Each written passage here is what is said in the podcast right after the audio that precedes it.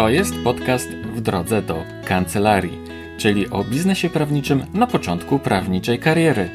Ja nazywam się Rafał Chmielewski i w tym podcaście rozmawiam z doświadczonymi prawnikami, którzy niejedną wiosnę w todze mają już za sobą. Serdecznie Cię zapraszam. Nałóż słuchawki i w drogę! To jest 27 odcinek podcastu w drodze do kancelarii. Witam Cię serdecznie, mówi oczywiście Rafał Chmielewski. Dzisiejszy odcinek podcastu poświęcony jest promocji kancelarii. Promocji za pomocą książki papierowej i elektronicznej. W dobie mediów społecznościowych, które w kontekście promocji kancelarii prawnej oprócz pewnych zalet mają jednak wiele wad, książka jako narzędzie budowy marki została zepchnięta do drugiej, a może nawet trzeciej kategorii. Niesłusznie jednak, gdyż to wciąż jest narzędzie, którym możesz docierać do swoich klientów i możesz to robić niejako tylnymi drzwiami, gdzie nie tłoczy się Twoja konkurencja. W podcaście poruszam temat promocji kancelarii za pomocą zarówno książki papierowej, jak i książki elektronicznej, czyli popularnie nazywanej e-bookiem. E-booki nigdy nie były szerzej uznawane w naszej branży jako narzędzie do promocji kancelarii. Jednak niedostrzeganie bardzo ważnych zalet wizerunkowych, jakie niosą z sobą e-booki, jest po prostu błędem. Wiedzą o tym najlepiej prawnicy, którzy w swoich blogach takie elektroniczne książki już posiadają. O wszystkim dowiesz się z dalszej części nagrania. Nagranie zostało zarejestrowane podczas jednego z seminariów Weblex Lab, podczas których z grupą prawników rozmawiamy o różnych aspektach funkcjonowania kancelarii prawnej. Jeśli również chcesz uczestniczyć w którymś z tych seminariów, to zapraszam Cię do odwiedzin strony www.lab.web-lex.pl abyś mogła czy abyś mógł poznać terminy następnych spotkań oraz ich tematykę i sposób zapisu na listę uczestników. Seminaria są oczywiście całkowicie bezpłatne. Zachęcam Cię zatem teraz do zrobienia sobie chwili wolnego i posłuchania podcastu. A jako, że właśnie przyszła wspaniała wiosna, to życzę Ci słońca i mnóstwo dobrego i przyjemnego ciepła. E, zanim zaczniemy, dodam tylko, że podcast w drodze do kancelarii jest z radością wspierany przez Weblex. Zapraszam. Promocja kancelarii za pomocą książki elektronicznej i książki papierowej, drodzy Państwo. I powiem Wam szczerze, to jest coś takiego, z czego sobie nikt nie zdaje sprawy, jak to fantastycznie działa i funkcjonuje. Tutaj tkwi bardzo, bardzo, bardzo duży potencjał, i zarówno w jednym, jak i w drugim. Ale zanim przejdę do tego tematu, to chciałbym zacząć od rzeczy troszkę bardziej ogólnej, takiego rozróżnienia, uzmysłowienia sobie, według jakich kryteriów możemy podzielić sobie różnego rodzaju narzędzia promocji kancelarii. Potem łatwiej będzie Państwu zrozumieć korzyść, jaka płynie z tych e-booków i z książek. Więc przede wszystkim, drodzy Państwo, najlepsze narzędzia marketingowe to są takie, które przede wszystkim działają masowo. To znaczy trafiają do bliżej nieokreślonej liczby potencjalnych odbiorców, klientów, potencjalnych klientów, partnerów biznesowych itd. Tak Co mam na myśli? Mam na myśli to, że jeżeli na przykład puszczę live'a na Facebooku, czy on dociera do bliżej nieokreślonej liczby ludzi? W sumie w momencie, kiedy mam tego live'a, to nie wiem, do ilu ludzi on dotrze, tak? Bo ktoś ale... przyjdzie, ktoś się wyłączy i tak dalej, ale live się kończy, tematu nie ma, generalnie ci, co byli, to byli, już nikt nie przyjdzie. Tak? W związku z tym jest koniec i zamknięty. Mam na myśli coś takiego, że tak jak na przykład w blogu zamieszczę post i on żyje, on trwa, ludzie go czytają przez następny rok, dwa lata, pięć lat, 8 lat, 10, dopóki ja tego nie skasuję. To mam na myśli masowość. Drugie kryterium to jest transgraniczność. Odwołam się tutaj też może do bloga, bo to świetnie e, obrazuje temat. Jak ja pisałem z Twojego bloga podatkowego dla osób, e, które pojechały za granicę, tam zarabiałem pieniądze, to ten blog docierał do każdego Polaka, gdziekolwiek on był na świecie, w momencie, w którym on sobie tego życzył. Innymi słowy mówiąc, oni po prostu, ci Polacy, odczuwali jakąś potrzebę, nie wiedzieli w jaki sposób się rozliczyć i po prostu wpisywali w wyszukiwarkę tam jak się rozliczyć, na przykład jak do, roz, rozliczyć dochody z, z, Wielkiej Brytanii i trafiali na mojego bloga. Tak, w związku z tym mój blog docierał wszędzie tam, gdzie była moja grupa docelowa. Nie ma tutaj żadnych granic. Mam na myśli takie kryterium. Kryterium, które mówi, nie ma żadnych granic dla tej formy promocji. Czymś przeciwnym może być artykuł sponsorowany na przykład w gazecie prawnej. Artykuł taki dotrze tylko do tych, którzy czytają gazetę prawną, a i tak nie do wszystkich, e, bo tylko do tych, którzy są e, realnie zainteresowani daną treścią. Następna cecha to jest ponadczasowość. Jeżeli ja coś napisałem w blogu, to to po prostu trwa. Żyje non-stop. Im więcej mam treści w swoim blogu, tym więcej ludzi tego bloga czyta, ponieważ tam jest coraz więcej takich artykułów, które mają walor ponadczasowości. Zrobiona praca raz buduje moją markę, buduje mój wizerunek przez następne lata. Można nawet powiedzieć, że pokolenia, jeśli to będzie trwało dłużej, znacznie dłużej.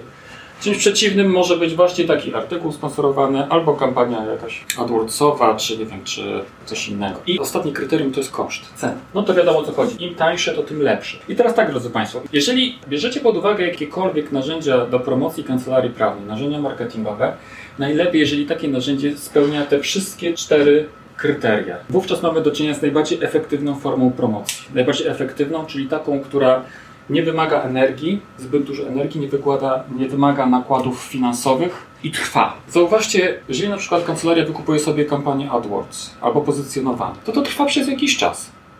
Dopóki, dopóty kancelaria za to płaci, ma efekt marketingowy. W momencie, kiedy przestaje płacić, efektu nie ma. To też w pewnym sensie uzależnia. Płacenie za marketing uzależnia. Dlaczego uzależnia? Ponieważ mamy taki bezpieczny dopływ w miarę nowych klientów, taki dopływ świeżej krwi. Często to powoduje, że zapominamy o tym, w jaki sposób budować relacje z ludźmi, w jaki sposób dbać o obsługę klienta i tak dalej, no to cały czas mamy świeży dopływ klientów. Jednakże reklama, każda reklama jest coraz droższa, dlatego że jest coraz większa konkurencja. Przeciwieństwem są właśnie wszelkiego rodzaju formy promocji, które spełniają te cztery cechy, czyli są masowe, są transgraniczne, są ponadczasowe i jeżeli weźmiemy pod uwagę e-booka, to e-book, drodzy Państwo, spełnia właśnie te cztery kryteria. Dlatego to jest taka fajna forma promocji, a tak naprawdę przez kancelarię w ogóle nie jest wykorzystywana. Tu jest jeszcze więcej zalet, o których zaraz Państwu opowiem. Po co w ogóle te e-booki, drodzy Państwo? Za pomocą e-booka promujemy siebie oczywiście, swoje doświadczenie, swoją wiedzę i tak dalej. Możemy za pomocą e-booka promować swoją stronę internetową. Możemy za pomocą e-booka promować swojego bloga. Ale też możemy promować swoją jakąś konkretną usługę. Możemy też promować na przykład jakieś szkolenie, które będziemy prowadzić, czy zamierzamy przeprowadzać. Możemy też promować, drodzy Państwo, listę mailingową. Zauważyłem ostatnio, że kancelarie zaczynają coraz częściej dostrzegać właśnie zalety e-mail marketingu. E-mail marketing to jest taka forma, która jest oczywiście niemalże stara jak świat kiedy ja prowadziłem swojego starego bloga podwójnopodatkowanie.pl, wtedy aktywnie wykorzystywałem e-mail marketing. On się świetnie sprawdzał. Ja myślałem, że to szybko przyjdzie, tak samo jak przyszły blogi, tak samo przyjdzie e-mail marketing, a niestety to się wcale nie stało, ale widzę ostatnio na LinkedInie, że prawnicy zaczynają pytać o to, e, jak działa ten e-mail marketing. Sobie pogadamy o tym następnym razem. I właśnie e-book się świetnie sprawdza jako narzędzie do zbierania adresów e-mailowych, potencjalnych klientów, tak, grupy docelowej. Świetnie te e-booki się e, sprawdzają. Do czego jeszcze, drodzy Państwo, się przydaje e-book? I tutaj mam fragment takiego artykułu, który pozwolę sobie przeczytać. Na razie przeczytam Państwu pierwszą część, a drugą potem. To jest artykuł, który znalazłem ostatnio na pokoju adwokackim mecenasa Marcina Surowca. Pisze tak, jak sprzedawać książkę prawniczą. Nie ulega wątpliwości, że świadomość prawa polskiego społeczeństwa jest niewielka, jednocześnie jak wynika z badań, poziom czytelnictwa jest na niepokojąco niskim poziomie. Niektórzy twierdzą, że nawet wśród studentów czy osób z wyższym wykształceniem czytanie ogranicza się jedynie do obowiązkowych lektur, czy też nawet ich opracowań.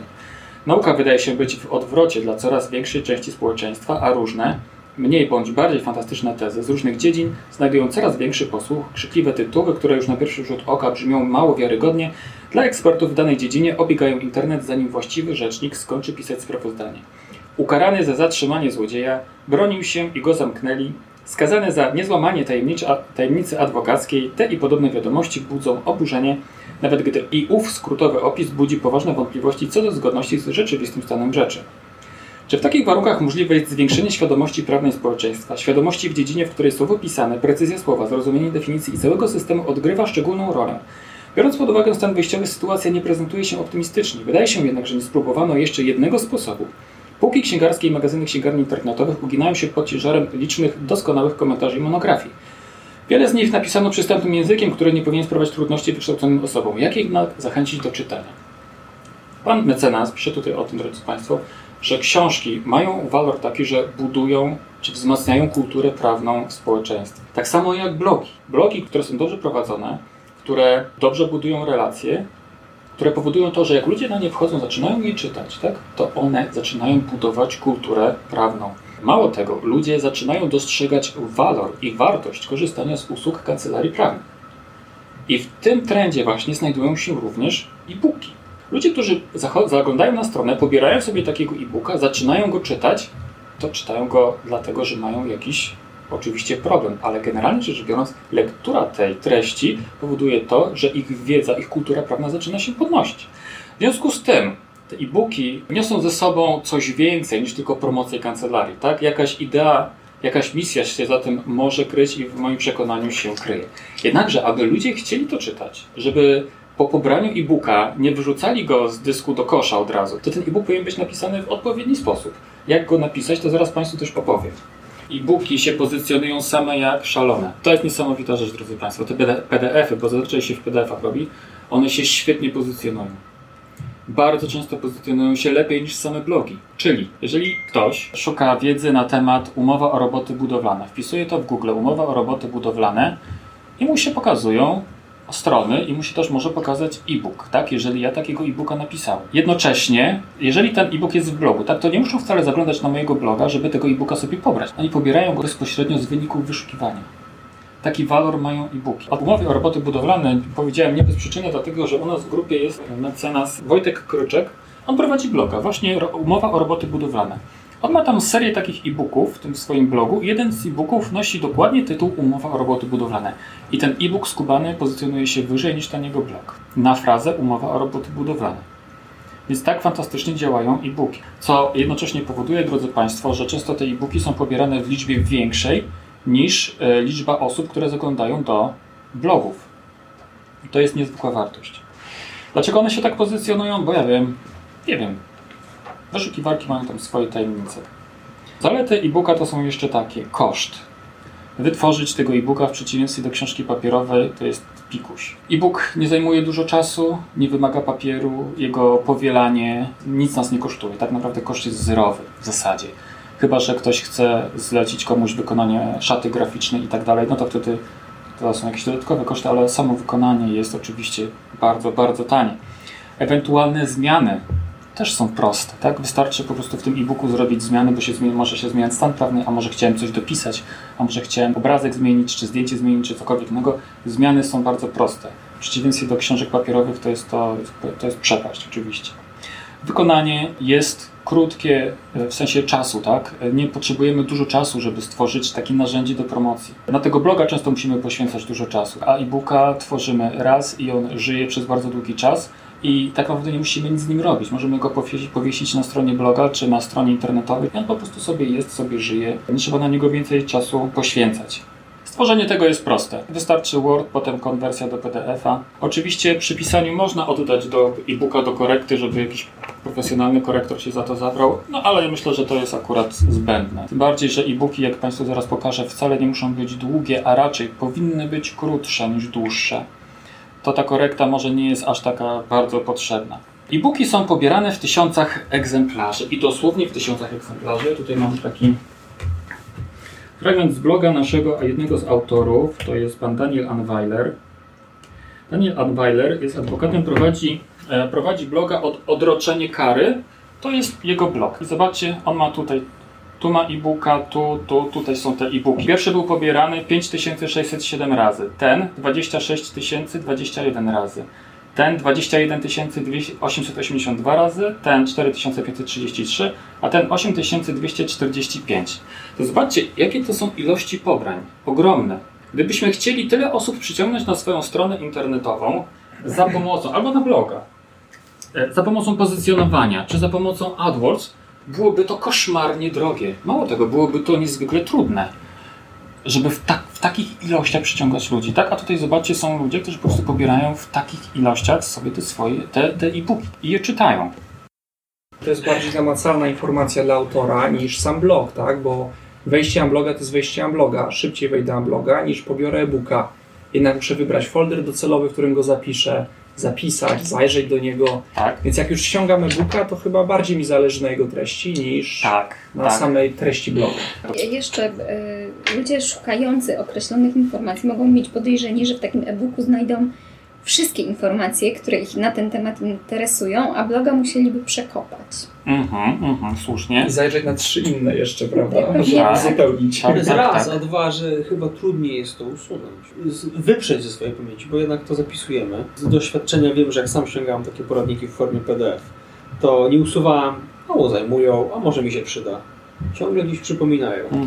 Się Tam gdzieś, zapomina się zapomina. Tam jest Tak jest. link w takim PDF-ie, tam możemy przemyśleć inne treści. Czy te e-booki, one są do pobrania zawsze bez e, logowania, bez przedstawienia śladów, bez żadnego, bez żadnego zostawienia po sobie maila? Z reguły tak. W większości przypadków tak, chyba że ktoś korzysta z e-booków jako narzędzie do zbierania adresów e-mail. Wtedy tak. To jest taka reguła konsekwencji, że jak już ludzie to pobierają, to już wykonują jakiś tam wysiłek. Tak, to w cudzysłowie jest wysiłek, bo co to wysiłek kliknięcie paluchem, tak? Ale jednak dla nich jest to coś takiego, co, co powoduje, że oni to ściągają na dysk i zaczynają czytać. Spędzają nad tą treścią znacznie więcej czasu, niż gdyby przeglądali stronę, gdyby przeglądali, czytali jakiś artykuł, czy czytali bloga i tak dalej. Tak więcej czasu nad tym, e, nad tym przebywają. A więc dłużej utrzymują uwagę.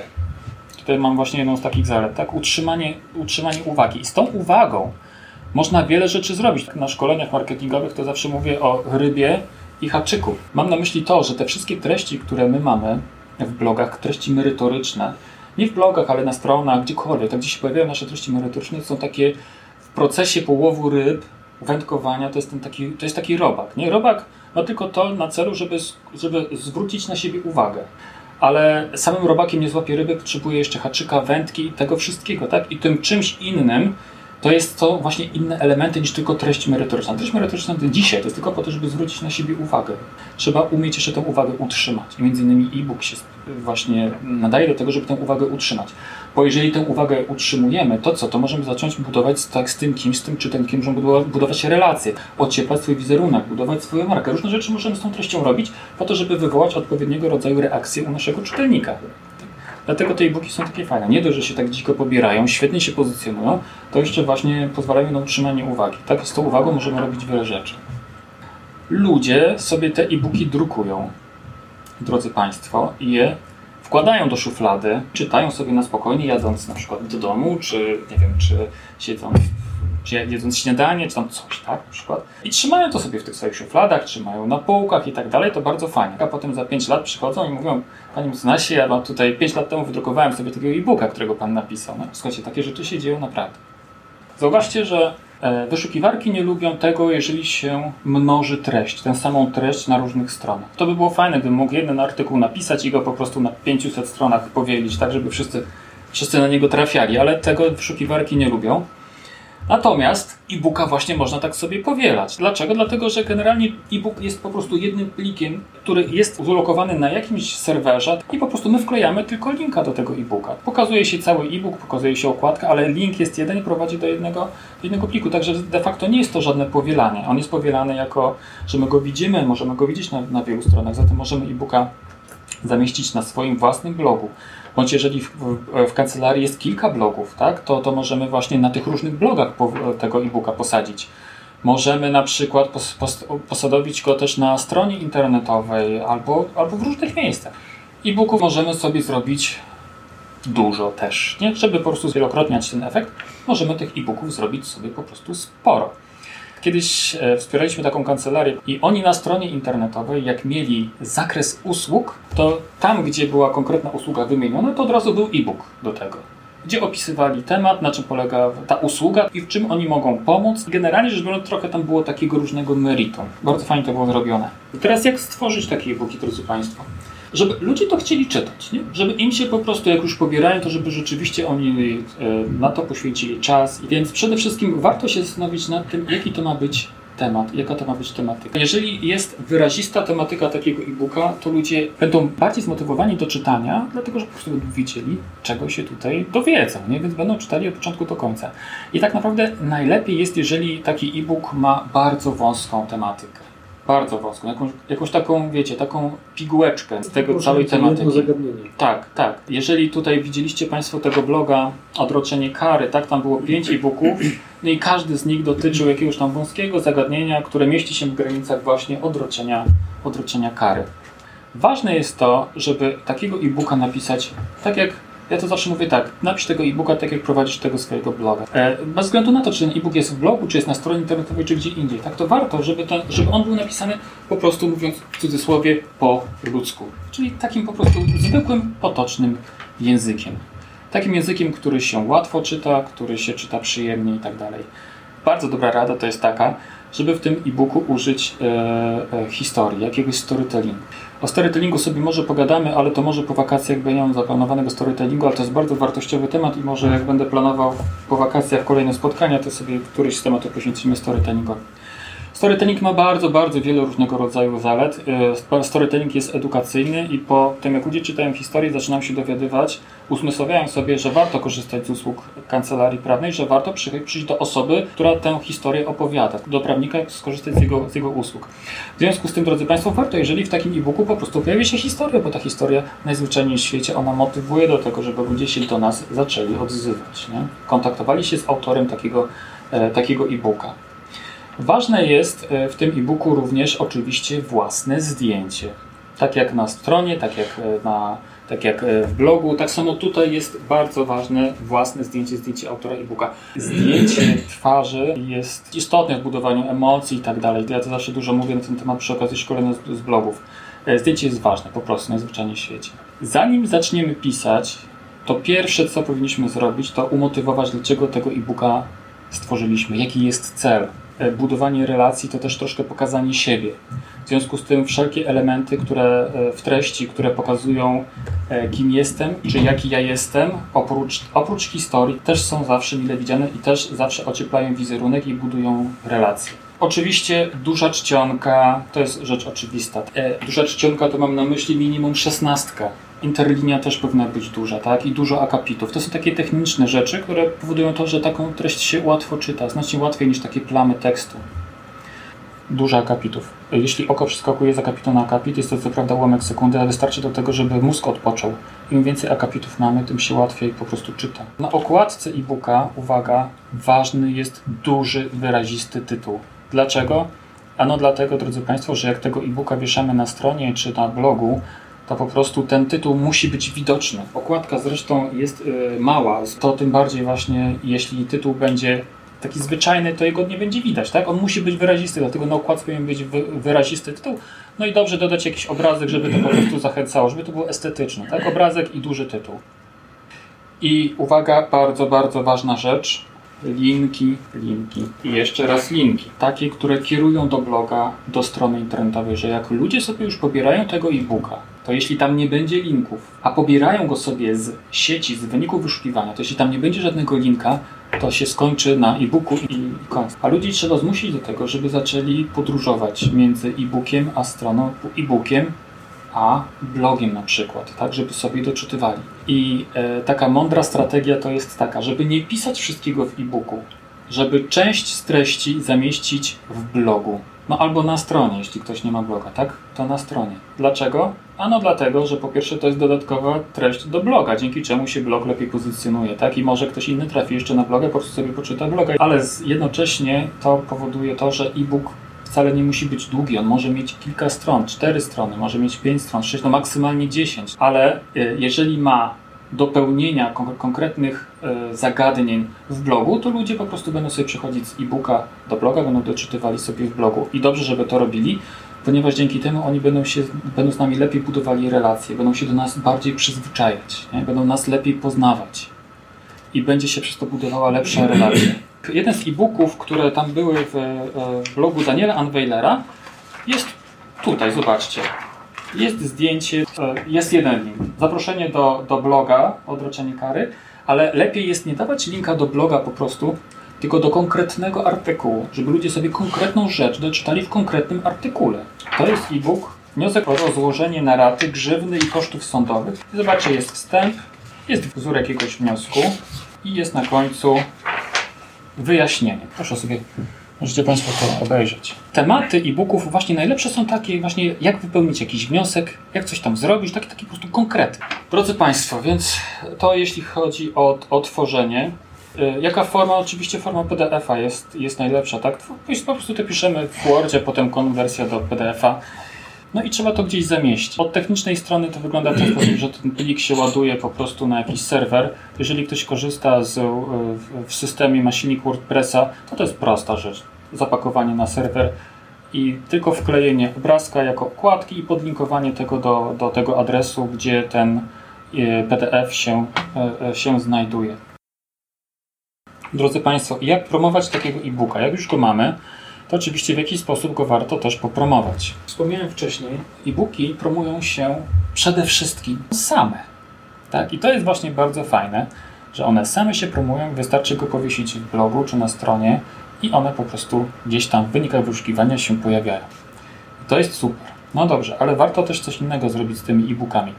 Ostatnio testowaliśmy taką możliwość płatnej reklamy e-booków i wykorzystaliśmy do tego Facebooka. Facebook ma bardzo łatwy system reklamowy, ponieważ tam można w prosty sposób dotrzeć do konkretnej grupy docelowej. Nie, bo tam ludzie wpisują, czym się zajmują, czy jakie mają zainteresowania.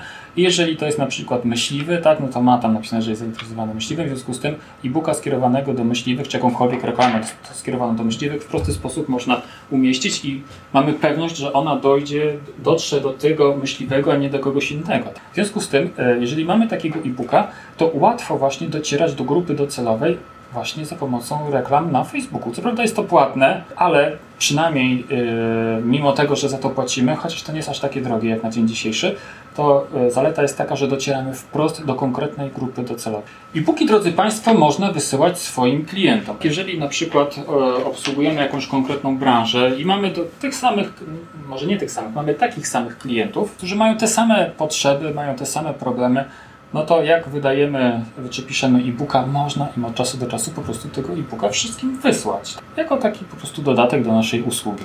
E-booka można promować, tak jak już wspomniałem, w blogu. Wieszamy go, e, okładkę wieszamy na marginesie, ale można też e-booka promować w, e, w postach po prostu. Czyli pisząc konkretny post, można odnosić się do e-booka, zachęcać do pobrania e-booka. Może to być po prostu zwykły link, albo może to być obrazek, może to być jakaś grafika która będzie podlinkowana do e-booka. Tu mam jeszcze napisane, że można e-booka dodawać jako gratis e, do szkoleń, tak? Jeżeli to jest e-book taki, który nie jest dostępny dla wszystkich. To może być po prostu jako gratis, jako, jako taki dodatek do usługi, dodatek do szkolenia dla osób, które przyjdą na, na szkolenie. Czy e-booki można sprzedawać?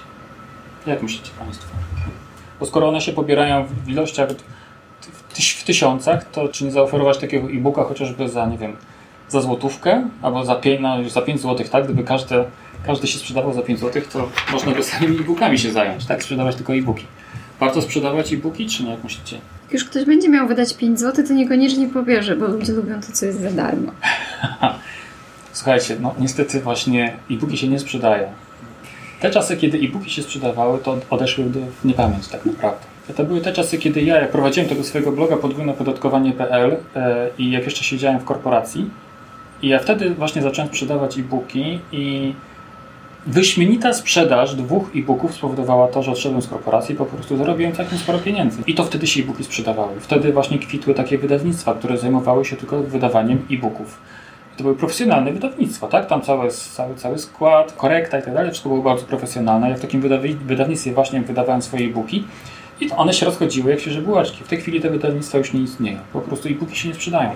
I nawet za, jednego, za jeden złoty nie można sprzedać takiego e-booka, bo ludziom się po prostu Ludzie nie chcą zapłacić, wolą za darmo, ale gdyby mieli zapłacić tą, tę złotówkę, to równie dobrze mogliby też zapłacić 20 zł i więcej, jeżeli to by było dla nich bardzo wartościowe. No dobrze, drodzy Państwo. To tyle, jeśli chodzi o e-booki. Macie jakieś pytania?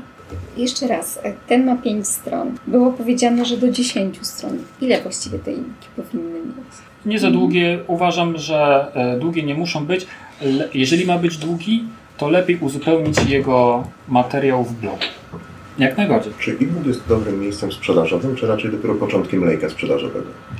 Czy e... powinniśmy już na przykład jakąś usługę kierować na końcu takiego e-booka, czy raczej to sobie zostawić dopiero po odesłaniu gdzieś? Uczciwość zawodowa każe mi powiedzieć, że to zależy. Najlepiej takie rzeczy testować. W moim przypadku e-book działa w ten sposób, że jest jakby dodatkiem do tego, co sobie ktoś inny może poczytać w blogu, ktoś może sobie poczyta, posłuchać w podcaście i tak dalej. Więc to się tworzy takie otoczenie i e-book jest jednym z takich elementów. I bardzo często jest tak, że kancelarie się kontaktują z nami i mówią, że kilka lat temu sobie ściągnęły właśnie takiego e-booka, sobie poczytały, ale czytają też bloga i tak dalej i w końcu coś tam. Nie? W związku z tym e-book jest takim jeszcze dodatkiem.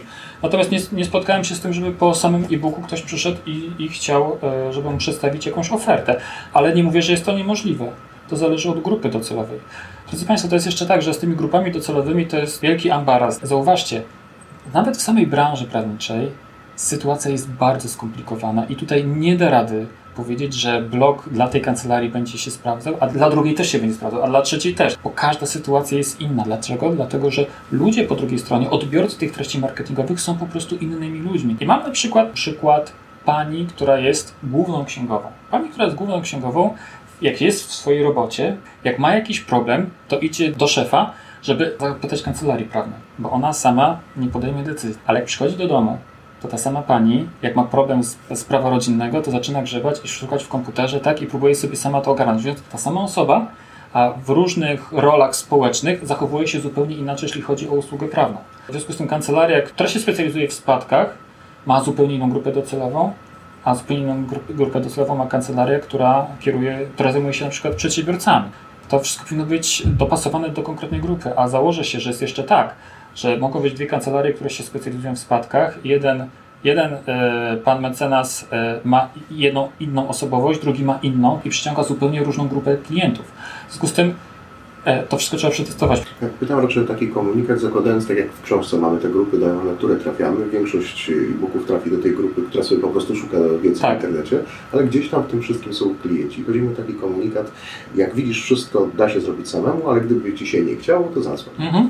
Mhm. Czy, czy, czy, czy, to jest właściwe, czy raczej tego typu komunikatów nie powinniśmy umieszczać, żeby na przykład tych poprzednich tak. nie zrazić, a teraz mi nie dał wszystkiego, tylko jedno. Nie, mimo wszystko ja bym coś takiego napisał za każdym razem, bo rzeczywiście to może trafić do tych ludzi, którzy będą potrzebowali po prostu pomocy już. Wszelkiego rodzaju akcje, te tak zwane wezwanie do, do działania, tak? Są, są zawsze wartościowe, żeby ludziom pokazać, co oni powinni teraz zrobić, co mają teraz zrobić, jaki jest następny krok. Drodzy Państwo, dobra, to możemy przejść teraz do, do książki papierowej. Kiedyś się spotkałem z takim, z takim powiedzeniem, twierdzeniem, że tylko liderzy piszą książki. Kojarzycie Garego Wajnerczuka może? Gary Wajnerczuk był jakiś czas temu w Polsce i on powiedział tak. On pisze książki papierowe. Dlaczego?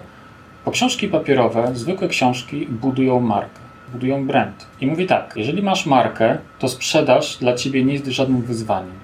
Jeżeli masz markę, to sprzedaż jest nudna. Nie ma problemu ze sprzedażą, jeżeli masz dobrą markę. Akurat podał przykład. Zwróćcie uwagę, co na, co na sobie nosicie, e, jakich marek ubrania macie na sobie. Zastanówcie się, dlaczego akurat kupiliście te, a nie inne. Jak idziesz do sklepu, jeżeli lubisz jakąś markę, to nie patrzysz na cenę, nie targujesz się, po prostu bierzesz, chcesz to mieć, tak? I to zwyczajnie kupujesz. Mówi, to jest właśnie siła marki. Dlatego e, on pisze książki, bo on dba o swoją własną markę. Tak? Nie interesuje go sprzedaż tu i teraz, interesuje go budowanie marki. W związku z tym książki papierowe z tej perspektywy najzwyczajniej w świecie budują markę. Wspominaliśmy przy e-bookach, że e-booki są czytane przez dłuższy czas. Prawda? I przez ten czas możemy z tą uwagą ludzką naszego czytelnika możemy różne rzeczy robić. To teraz pomyślcie sobie, o ile dłużej są czytane po prostu zwykłe książki. W związku z tym, że książki długo się czyta, to jest możliwość nawiązania lepszej relacji z czytelnikiem. O ile się te książki dobrze pisze. Są książki, które mogą być wydawane przez Kluvera i one są wtedy takie jak podręcznik. Ale generalnie rzecz biorąc, w tej treści można różne rzeczy e, e, zamieścić, tak, żeby dodatkowo budować tę relację. Tego buduję w blogu relacje. Ludzie sobie czytają bloga jeden, drugi, trzeci, pięćdziesiąty artykuł, tak i czytają go przez ileś tam przez jakiś tam okres czasu, tak samo w książce można dokładnie robić to samo. Książki też, słuchajcie, nadają się do tego, żeby pokazać swoją ofertę. Po prostu ofertę. Tylko nie tak wprost, tak? bo to wtedy będzie po prostu jak reklama. Ale jak w swoim właśnie w, w pamiętniku adwokata, w wielu miejscach tam pokazałem swoją ofertę. E, w jaki sposób? Słuchajcie, poprzez właśnie storytelling. Mówiłem w różnych miejscach, jakie ja miałem przypadki co my robiliśmy w danej sytuacji. To nie było nic innego po prostu jak pokazanie ofert. Za pomocą książek też można promować i kancelarię, można promować szkolenia. Książka się też nadaje świetnie, drodzy Państwo, do tego, żeby zbierać adresy e-mail. Czytaliście moją książkę, taki jest rozdział dotyczący storytellingu jak opowiadać historię na blogu prawniczym. I jest tylko tyle. I jest na końcu, jeśli chcesz sobie ściągnąć ten dodatkowy rozdział, tutaj jest link, możesz sobie wejść i sobie dodatkowy rozdział ściągnąć. I ludzie kupują, są zainteresowani i zapisują, zapisują się na listę mailingową, sobie czytają e, dodatkowy rozdział. Czy ludzie kupują papierowe książki, takie wydawane przez prawników? Znaczy tu za ten problem, że twoja książka jest y, adresowana do prawników, ale traktowanych jak klient. Natomiast kiedy prawnik pisze książkę, to raczej czytają ją inni prawnicy niż klienci tego prawnika, prawda? No właśnie. To piszemy książki dla innych prawników czy dla klientów? Dobra, to ja Wam teraz przeczytam drugą część tego artykułu. No to jest to właśnie akurat dobry, dobry temat. Jak jednak zachęcić do czytania? Taki tu jest podtytuł. Nikt chyba dotąd nie rozważał innowacyjnego podejścia do marketingu tego rodzaju pozycji. Do tej pory komentarze nazywały się po prostu nazwa ustawy, komentarz, bądź podobnie. A gdyby te pozycje tytułować inaczej, zamiast kodeks cywilny księga druga komentarz, sprzedawać książkę pod tytułem Ukryte tajemnice Twojej własności. Profesor X ujawnia nieznane. Gdyby wartościowa monografia na temat obrony koniecznej w polskim prawie karnym pojawiła się na półkach pod wymownym tytułem Jak pobić przestępcę i dostać nagrodę. Tajne sposoby ukrywane przez prawników. Biorąc pod uwagę popularność stron quasi-naukowych, czy nie spowodowałoby to niezwykłego boomu na dzieła prawnicze? Już widzę oczami wyobraźni programy niejakiej redaktor Brzozowicz, demaskującej wszak, demaskującej wszak także prawne absurdy rzeczywistości, gdy bohater opowiada na antenie. I proszę sobie wyobrazić, że sędzia chciał dopuścić dowód z akt na okoliczność ich treści, a ja wstaję i mówię. Już profesor Piasecki w tajemnicach procesu cywilnego wskazywał na nie, niepublikowane orzeczenia Sądu Najwyższego, które nie tylko zakazywały dowodu z akt, ale także nakazywały skonkretyzowanie tezy dowodowej a od strony publiczności słychać pomruk oburzenia pomieszany z rozbawieniem na tak jawną niekompetencję. Inny obrazek. Samotna matka, która wywalczyła podwyższenie alimentów, opowiadająca, że niezbyt odpowiedzialny ojciec tłumaczył się, że zmienił pracę na gorzej płatną, a ona dała mu odpór, opierając się na sekretnym postępowaniu alimentacyjnym, wskazując, że dobrowolna zmiana pracy na niżej wynagradzaną nie ma wpływu na ocenę możliwości zarobkowych zobowiązanego. Wyobrażam sobie owego przedsiębiorcę budowlanego, który otrzymawszy oświadczenie o odstąpieniu od umowy, odpisał prędko. Już profesor Gutowski wskazywał, w czego nie powie ci sędzia ani adwokat, że, że strona odstępująca od, od, umowy sama nie może pozostawać w zwłoce, w zwłoce co do własnego świadczenia, dzięki czemu przedsiębiorca ukończył budowę i otrzymał swoje wynagrodzenie. Czyż ta piękna wizja nie jest warta podjęcia choćby jednej próby? Więc, drodzy Państwo, właśnie, nie? Znaczy, ja myślę, że to trochę jest przesada, tak? Z tymi tajemnicami i tak dalej. Ukryte tajemnice Twojej własności profesor X ujawnia nieznane. To jednak przypomina fakt, nie? Albo Super Express. Jednakże, drodzy Państwo, ja myślę właśnie, że tutaj chodzi o to, żebyśmy spojrzeli na, to, na te mm, prawnicze książki z taką od strony naszego, naszego klienta, osoby, dla której rzeczywiście to piszemy. I być może to jest, to jest przerysowane, ale właśnie być może tak to warto by było zrobić.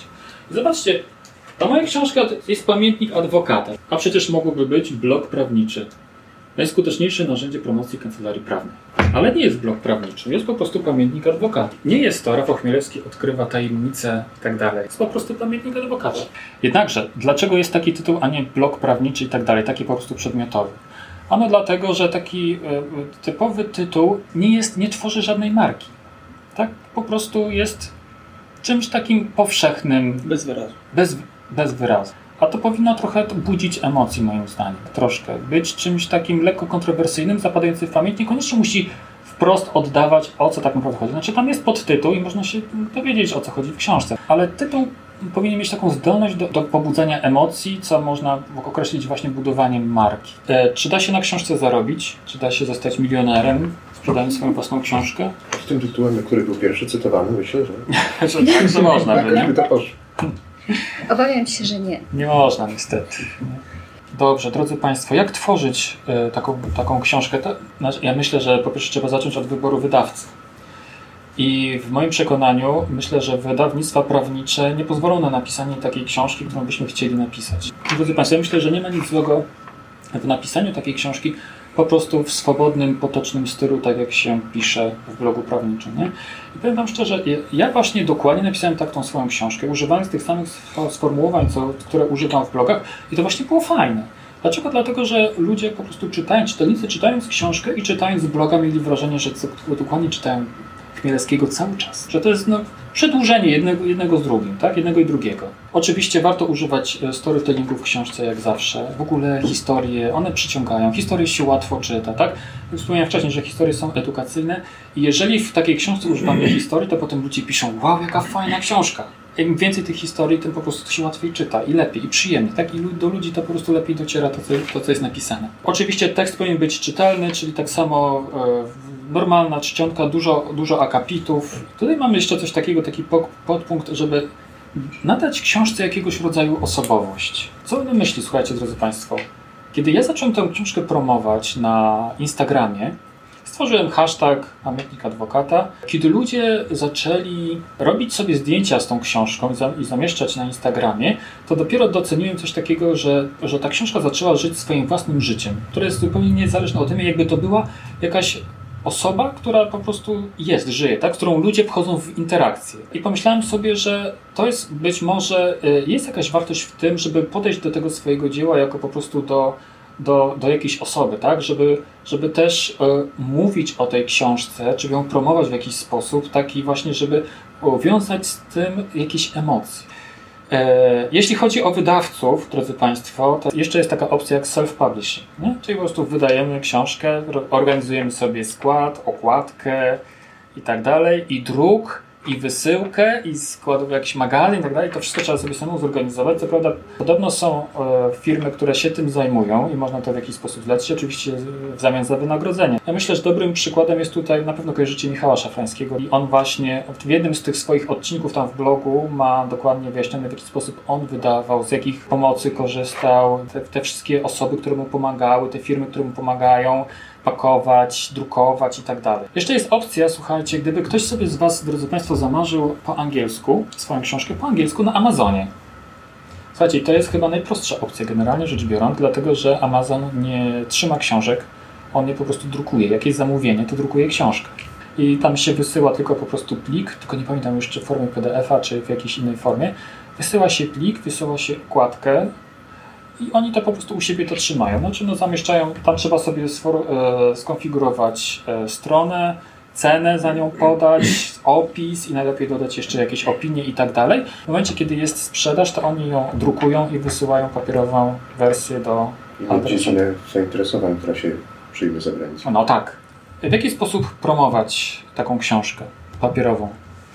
Generalnie rzecz biorąc, drodzy Państwo, wydawca jeżeli robimy to za pomocą wydawcy, to wydawca w pewnym sensie robi to za nas, może robić to za nas. No bo on na tym też zarabia, w związku z tym ma środki na to, żeby promować za pomocą albo reklam, a na pewno wstawia do różnych księgarni, jeżeli księgarnie są zainteresowane. Z reguły to jest tak, że książka jest początkowo wstawiana do księgarni, natomiast potem, e, jeżeli się nie sprzedaje, to jest wycofywana z tych księgarni i tylko jest na, w ofercie internetowej. Znaczy nie jest w takiej fizycznej, na, na półce nie można jej zobaczyć. Nie? Powinno nam zależeć na tym, żeby książka stała na półce.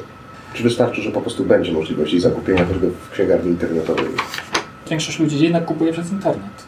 Dużo osób kupuje też e-booki. Coraz, coraz więcej osób kupuje e-booki.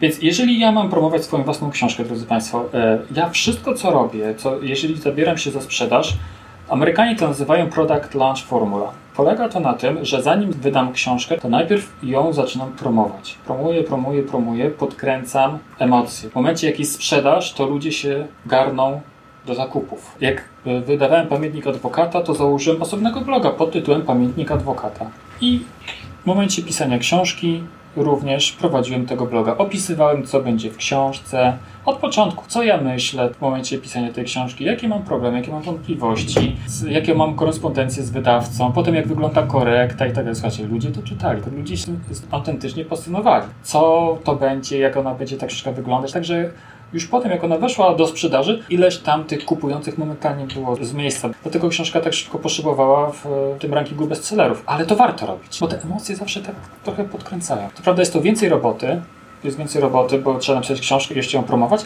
ale generalnie warto to robić. Koniec końców liczy się sprzedaż. Im więcej osób kupi, tym lepiej. Nie? Poza tym książkę warto promować na blogu, na stronie oczywiście, w swojej liście mailingowej, w e-booku. Jak mam e-booka, to też w tym e-booku może być na końcu link do strony z książką, żeby sobie ludzie kupili.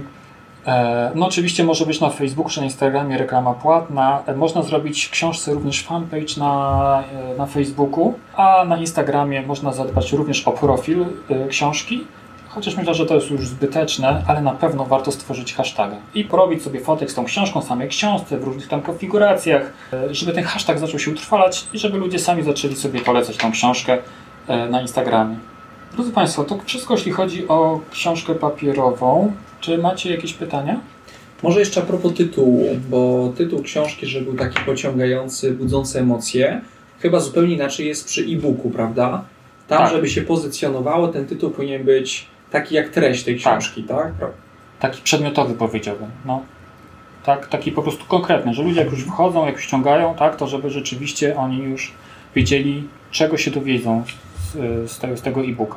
E-book nie ma, nie ma budować marki, ma po prostu dawać instrukcje, a taka książka po prostu ma budować markę, w związku z tym taka powinna być bardziej e, ten i tytuł, i sama treść bardziej, to wszystko powinno bardziej emocji, ma, ma więcej emocji. Ja mam jeszcze jedno pytanie. Przyjmując tę książkę jako budowanie marki, na przykład blogowej, niekoniecznie w powiązaniu z firmą, raczej z osobą, na przykład z blogiem jako tą, tą formą bardziej personalną promowania marki osobistej. Na jakim etapie rozwoju czy życia bloga, czy, czy tej kariery osobistej warto pisać książkę? Nie wiem, ale myślę, że każdy powinien sobie odpowiedzieć na to sam. Mam taką historię. Aneta Sieracka, u nas, prawniczka z naszej grupy. E, transplantacja. transplantacja, prawo w transplantacji. Ona rzecz niesamowitą zrobiła. I jak z nią rozmawiałem w podcaście, jednym z pierwszych podcastów, to ona mi powiedziała tak, że ona założyła, jak tylko skończyła studia, założyła bloga Prawo w transplantacji. I jak rozmawiała ze wszystkimi innymi e, kolegami, koleżankami, z profesorami, z którymi miała kontakt dobry, to wszyscy jej odradzali. I mówili, Aneta, no ty, no chyba trochę za wcześnie, nie? Musisz poczekać. No i ona tak właśnie mi mówiła, że tak myślałam, myślałam, ale na co mam czekać? Że co, że y, kiedy będę w końcu tą taką doświadczoną panią mecenas, tak? To może, może nigdy nie nastąpić zawsze mogę mieć wrażenie, że to jeszcze nie ten moment. I co w wieku 60 lat mam zakładać bloga? No założyłem od razu. No może tutaj też. W pewnym sensie taka zasada też może zadziałać, że nie ma co zwlekać, tylko jeżeli rzeczywiście coś wiem, y, to, to może warto napisać. Z drugiej strony książka też nie musi być zawsze tylko i wyłącznie sumą moich przemyśleń. To może być też kompilacja różnego rodzaju przemyśleń innych osób komentarzy, różnych innych komentarzy, tak? Co też będzie stanowiło wartość, tylko że po prostu podamy w inny sposób. Zastanawiam się, jak ludzie decydują się, czy dowiadują się choćby o tej książce. To znaczy, na przykład o książce Pamiętnik Adwokata dowiedziałem się, bo mailujemy, czy w zasadzie ja otrzymuję mailing od, od paru lat od Was, mhm. więc dla mnie to było oczywiste, że wiem, co to jest, wiem, czego się spodziewać, jest to już dla mnie jakaś wartość, więc ta książka, jak tylko się pojawiła, była kupiona. Mhm. Chodzi mi o to, czy powinien, to znaczy ja tak uważam, to nie jest pytanie.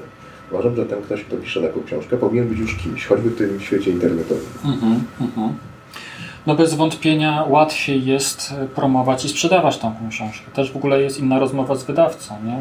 Wtedy. Ale są też takie tematy, gdzie nie ma nikogo, nie ma nic, e, jeżeli chodzi o pozycję, E, I wtedy, jeżeli jest ktoś, kto się na tym zna, to może się szybciej dzięki temu promować. Więc no, tak, tak samo jak e-booki, tylko powiedzmy trochę trudniej.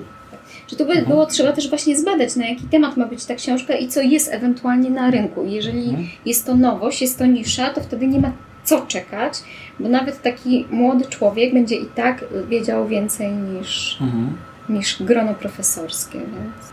Z drugiej strony ja też, e, drodzy Państwo, tak do tego podchodzę, że, mm, że to wszystko zawsze wymaga czasu, nie? To wszystko trwa w czasie. Mając świadomość tego, że ja to będę robił przez bliżej nieokreślony czas, przez 10 lat, przez 15, przez, przez, przez 20, to jeżeli podchodzę do tego racjonalnie i, i zaczynam budować swój wizerunek od samego początku, czyli po, powoli zaczynam gromadzić sobie listę mailingową, zaczynam, tak, mam tego bloga, tak więc tam lista liczba czytelników e, rośnie, rośnie lista moich klientów, rośnie lista osób, które znam z branży i tak dalej, i tak dalej, i tak dalej. I gdzieś tam w tym miejscu pojawia się też ta moja książka, która może na początku nie będzie miała, nie będzie czymś takim super wow, bo być może nie mam jeszcze takiego dużego zaplecza za sobą, ale ona generalnie zacznie też pracować. I w miarę upływu czasu ona będzie nabierała wartości i tak dalej. Nie powiedziałem jeszcze o tym, że w tej książce nie warto pisać wszystkiego na początku, żeby mieć potem preteksty do tego, żeby zrobić drugie wydanie. Żeby ci, którzy kupili wcześniej pierwsze wydanie, żeby też kupili potem drugie, tak? I to wszystko tak się powinno toczyć. E, warto też pomyśleć nad tym, czy, e, czy zamiast robić drugiego wydania, to może napisać zupełnie, znaczy to napisać książkę, która będzie jakby kontynuacją, albo czymś komplementarnym z, z tą książką, czyli jakby druga pozycja też. Nie? Drodzy Państwo, 20 e, minut jeszcze do 19. Bardzo Wam serdecznie dziękuję, że zechcieliście poświęcić czas. To, do czego Was szczególnie zachęcam, to do tych e-booków. Książka papierowa to wiadomo, to trwa i tak dalej, to, na to potrzeba czasu, na to potrzeba też pieniędzy i w ogóle, ale w przypadku e-booków nie potrzeba, albo przynajmniej trzeba niewiele, a to może od razu zacząć działać i od razu zacząć przynosić e, efekt.